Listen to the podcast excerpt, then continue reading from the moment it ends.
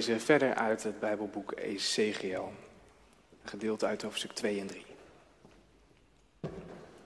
Wat moeten we lezen? Want volgens mij staat hetzelfde als vorige week staat op de liturgie. Ik heb iets anders voorbereid. Ja, nee, we beginnen in eh Ezekiel 2.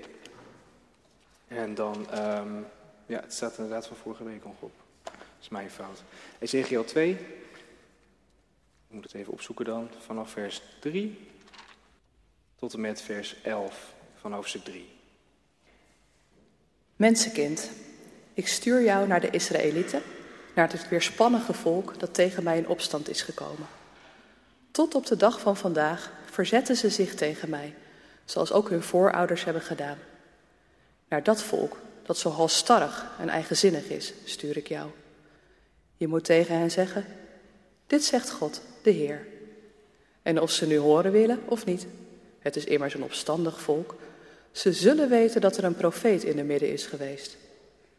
Maar jij, mensenkind, jij hebt van hun woorden niets te vrezen.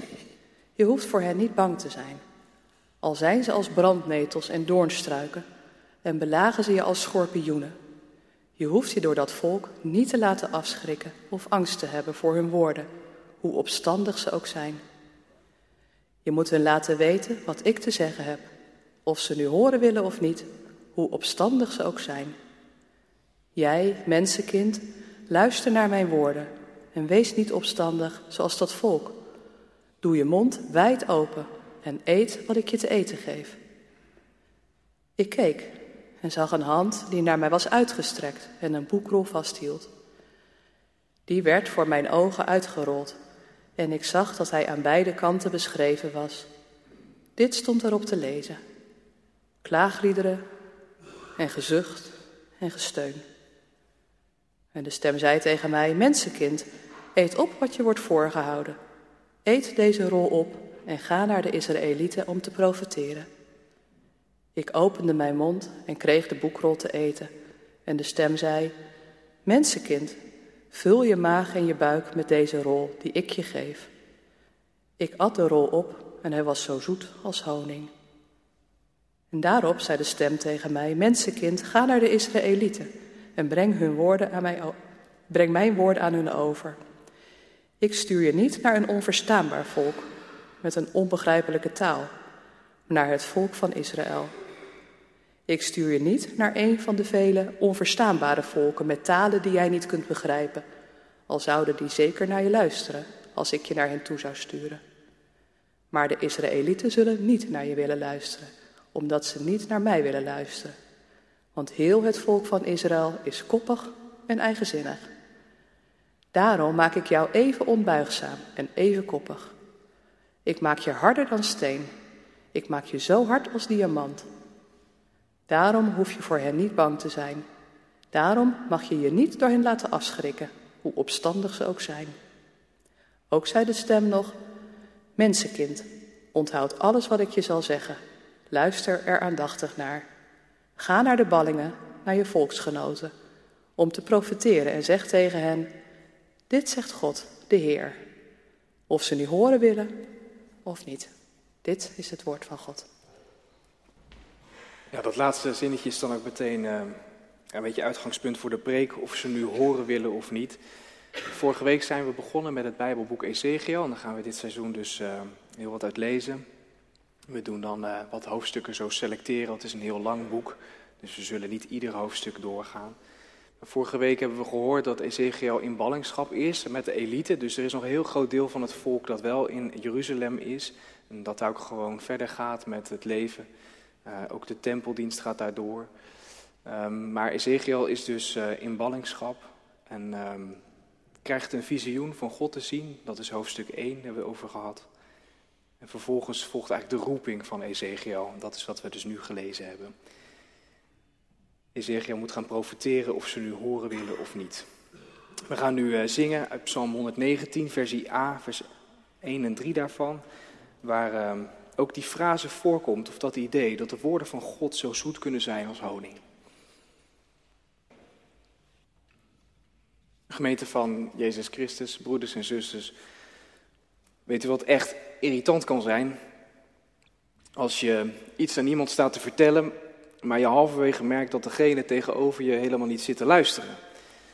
Dan kun je beter ophouden met praten natuurlijk. Maar dan zijn er soms mensen die praten dan toch door.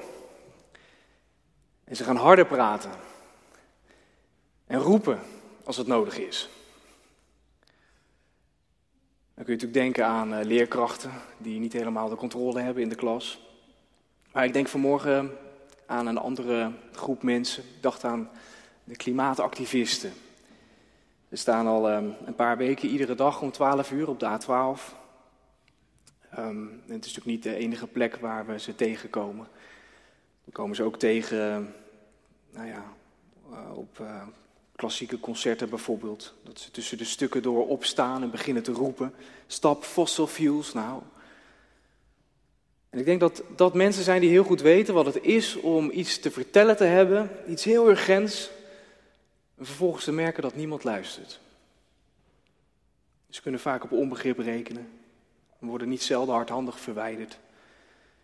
En toch gaan ze door. Onverstoorbaar. Ook Ezekiel moet hebben geweten wat het is om als brugman te moeten praten terwijl niemand naar hen luistert. Ezekiel is geroepen om tegen zijn volk te profiteren. Of ze nu horen willen of niet, staat het erbij drie keer. Door, door God de Heer wordt eh, Ezekiel naar de Israëlieten gestuurd. Het weerspannige volk staat. En in het Hebreeuws heb je twee woorden voor volk. Je hebt het woordje aam en gooi. Het woordje gooi, dat heeft in Israël een heel negatieve klank. De goyim, dat zijn de heidenvolken. En er zit echt afschuw en afkeer in dat woordje. Nou, Israël is gelukkig nooit gooi. Israël is altijd aam, volk van God. Maar hier wordt Israël gooi genoemd. Geen haar beter dan de heidenvolken. Ga naar Israël uit de goyim. Dat volk dat van hetzelfde laken een pak is, net als ieder ander volk dat mij niet kent. En zeg tegen hen, dit zegt de Heer, of ze nu horen willen of niet. Ja, dat is nogal wat. Zou, zouden wij dat kunnen? Zouden wij dat durven? Om gewoon maar door te gaan, terwijl we helemaal niet het idee hebben dat er geluisterd wordt. Wij zijn denk ik geneigd om te kijken naar het effect van de dingen. En we zeggen ja, als iets niet werkt, dan kun je er beter mee stoppen. Maar zo gaat het hier niet. Zelfs als het geen effect heeft, dan moet Ezekiel toch doorgaan. Maar ja, kom je met zo'n houding nou echt verder? Als je merkt dat er niet geluisterd wordt, dan kun je toch beter over een andere boeg gooien. Even een klein voorbeeldje uit ons eigen leven. Veel mensen maken dit mee. Als je kind niks van het geloof wil weten, als ze wat ouder worden, dan kun je er niet elke week weer over beginnen. En dat werkt averechts en dat zet de verhouding alleen maar op scherp. Misschien dat sommige mensen wel iets profetisch in zich hebben en die neiging ook om dat steeds weer te doen. Maar zelfs als je iets profetisch in je hebt, dan kun je niet altijd maar over God blijven doorzagen, ongeacht of mensen naar je luisteren. Nou, Ezekiel moet dat wel doen. Hij moet door blijven gaan over die woorden van God. En tussen denk ik niet dat dat ook precies onze roeping is. Ik, denk niet dat wij in onze netwerken, in ons gezin, in onze stad, iedereen maar moeten blijven vermoeien met onverminderd veel woorden over God. En wij zijn niet profeten zoals Ezekiel dat is. Even ook niet in de context waarin Ezekiel staat. Het, is eerder de onverstoorbaarheid die van Ezekiel gevraagd wordt, waar wij vanmorgen ook toe geroepen worden. De roeping van de onverstoorbaarheid. Maar goed, het valt niet altijd mee, denk ik, om onverstoorbaar met God verder te gaan. Nou, juist ook weer na een gewelddadige week in onze stad. Een week die begon met een stel kinderen die in de Tarwewijk een handgranaat vonden en daarmee overgooiden. Gelukkig liep dat goed af. Maar wie is er zo onverschillig dat hij een explosief naast een school in de bosjes legt, notabene een school waar ook kinderen van onze kerk naartoe gaan? Het was een week die verder ging met vijf explosies in één nacht, waarvan sommigen zelfs uh, wakker zijn geworden. Sommige van mensen in onze gemeente, iemand vertelde me dat, recht tegenover haar huis, een ontploffing. Een week die verder ging met de doodslag van een 71-jarige man door een roedel mannen. En daarna nog alles wat er gebeurde op donderdag in het Erasmus MC hier in Delfshaven. Ja, dat gaat je natuurlijk niet in de koude kleren zitten. Zeker niet als je in het Erasmus werkt of als je met kinderen in de stad woont. Je moet er gewoon niet aan denken. Je kunt soms echt, echt klaar zijn met de stad even. En dan klinkt vandaag die, die roeping van de onverstoorbaarheid. De roeping om door te gaan. Door te gaan met de dingen die God van je vraagt. Met het verspreiden van Gods licht. Met het blijven uitzien naar Gods vrede. Ik vind dat wel passend voor vandaag om dat eruit te lichten. Of ze nu horen willen of niet. Of de wereld er nu oren naar heeft of niet. Hier leven wij van. En hier gaan we mee verder. Zo ook dat klimaatverhaal waar ik natuurlijk net even mee begon. Jack deelde op de kerk-app wat persoonlijke ervaringen. Het is ook goed dat die MIGA-cursus weer van start is gegaan dit seizoen. Maar als het over deze dingen gaat, dan voelt het vaak ook wel als vechten tegen de bierkaai. Dat we hier bewust zuinig doen, geen vlees eten, minder vliegen en zo. Ja, dat uh, is allemaal goed. En tegelijkertijd zien we ook hoe weinig dat eigenlijk uithaalt. Dat in Oekraïne een zeer milieuvervuilende oorlog gaande is. Wat dat allemaal niet doet met het klimaat. Alles wat wij doen lijken slechts druppels op een gloeiende plaat. Waarom zouden we ermee doorgaan? Ja, dan klinkt vandaag de roeping van de onverstoorbaarheid. De roeping om te staan voor wat waar is en wat goed is om te zeggen, goed is om te doen. Ongeacht of er geluisterd wordt. Dit is onze roeping. Hier gaan we mee verder. Dat geldt denk ik ook voor ons als kerk en als we nadenken over de toekomst van de kerk. Onlangs stond er eh, in het blad De Nieuwe Koers een interview met de Lutherse theoloog Andrew Root. Hij heeft tal van boeken geschreven waarin hij pleit voor meer rust te midden van alle missionaire vernieuwingsdriften en projecten die de kerk zichzelf aandoet om de toekomst van de kerk veilig te stellen. Hij zegt, doe maar rustig aan. Het is natuurlijk geen geheim hè, dat veel westerse kerken eh, nogal in de problemen zitten. Er komen minder mensen en het aanhouden van gebouwen en van predikanten wordt te, te duur. Als het zo doorgaat, worden de komende tientallen jaren ontzettend veel kerken gesloten. Stap voor stap op zondag, zeg maar, gemiddelde kerk in Nederland binnen. Ja, misschien niet hier zo in de stad, maar uh, zeker wel zo in het land. En je vraagt dus aan mensen die daar uh, heel ijverig bezig zijn met kerk zijn. En dan hoor je al heel gauw dat, dat er een soort teneur heerst van we moeten nu iets doen, anders dan is het over tien jaar of over twintig jaar echt verdwenen. Maar wat, wat moeten we doen dan? Wat is de succesformule waardoor mensen dan nog wel aangesproken worden? Nou, Andrew Root zegt eigenlijk is die er niet. Je, je kunt niet iets doen. We proberen al zeker twintig jaar van alles, maar hoe meer energie we erin steken, hoe erger het wordt.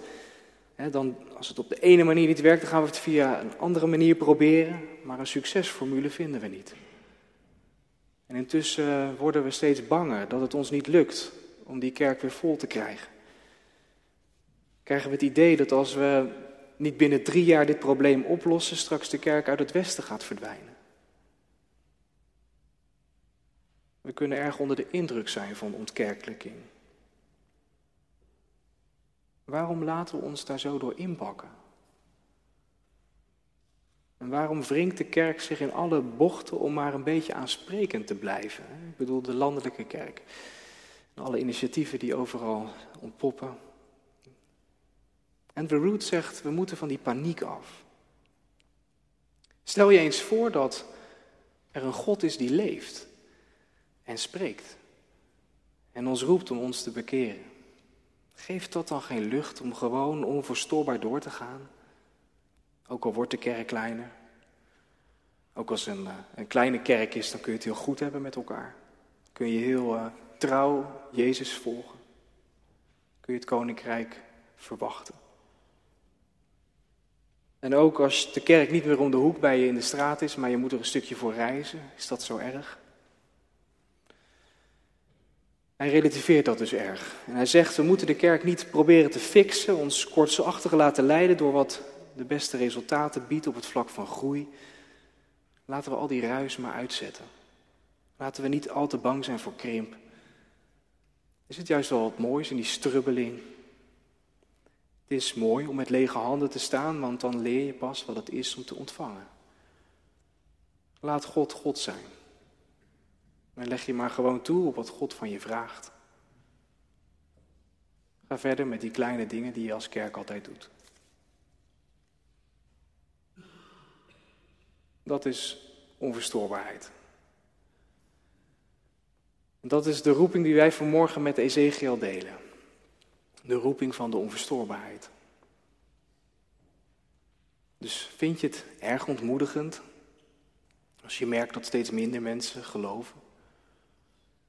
Vind je het erg ontmoedigend als je broer of zus het voor gezien houdt hier? Vind je het erg ontmoedigend als het geweld in de stad steeds niet ontziender wordt en Gods vrede maar op zich laat wachten? We hebben toch geproefd van de woorden van God. Hebben we niet gemerkt dat God goed is en dat Hij leeft? Ik hoop het wel. Net als Ezekiel. Moet zijn mond wijd open doen en eten wat hem gegeven wordt. Een boekrol vol met klaagliederen. Gezucht, gesteun.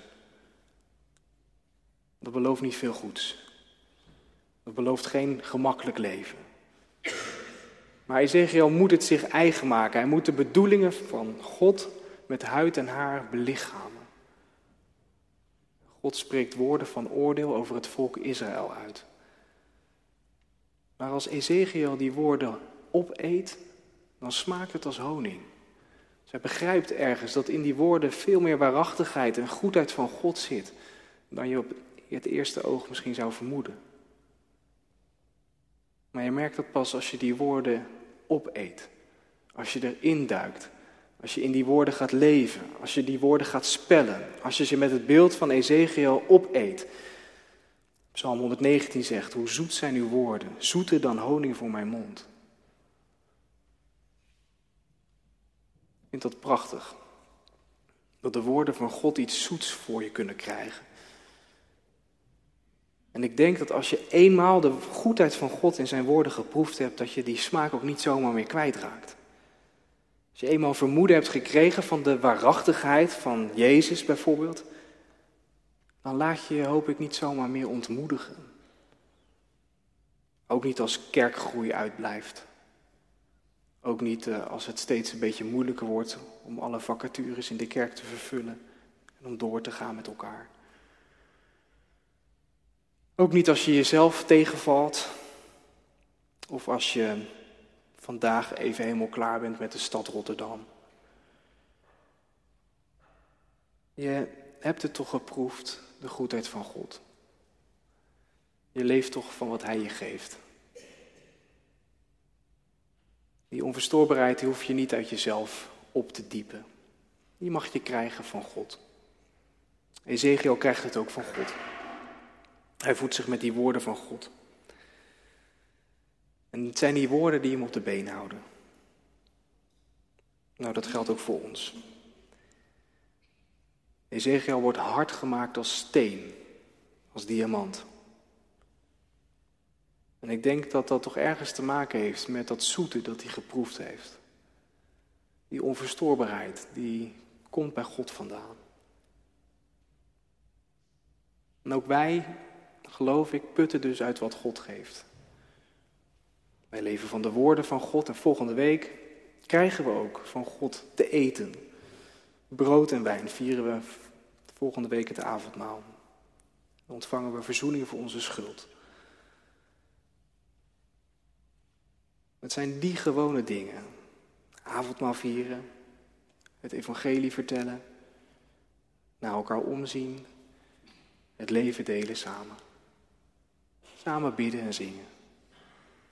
Het zijn die dingen waar we onverstoorbaar mee verder gaan. Omdat een leven zonder dit brood en deze wijn ons smakeloos lijkt. Omdat een leven zonder Gods woorden ons leeg en richtingloos lijkt. Dus dat is misschien de boodschap van morgen, denk ik. Geloven is met lege handen staan, ontvangen wat God ons geeft. Je niet laten leiden dus door alles wat zich zo, uh, zo groot maakt in ons leven. Alles wat zich zo groot maakt in de kerk. Cijfers van kerkgroei of kerkverlating. Laten we onszelf niet uitputten met creatieve strategieën en resultaten van onze strategieën om hier alles maar draaiende te houden. We geloven toch niet omdat het werkt. We geloven toch niet omdat we er iets aan hebben voor ons dagelijks leven.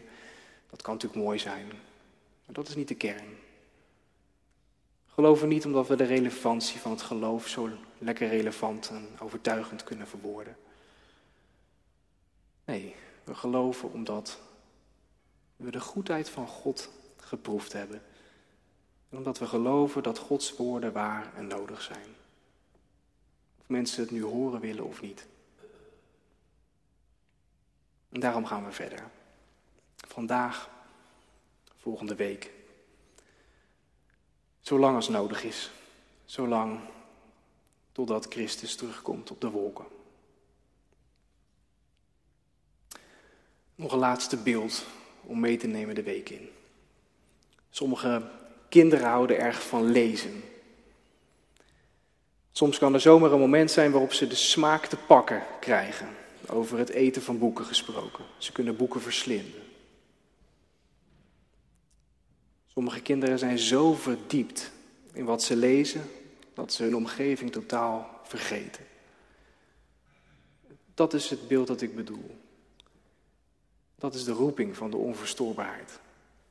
Verder gaan met wat God ons gegeven heeft, te midden van deze wereld die soms in brand staat. Amen.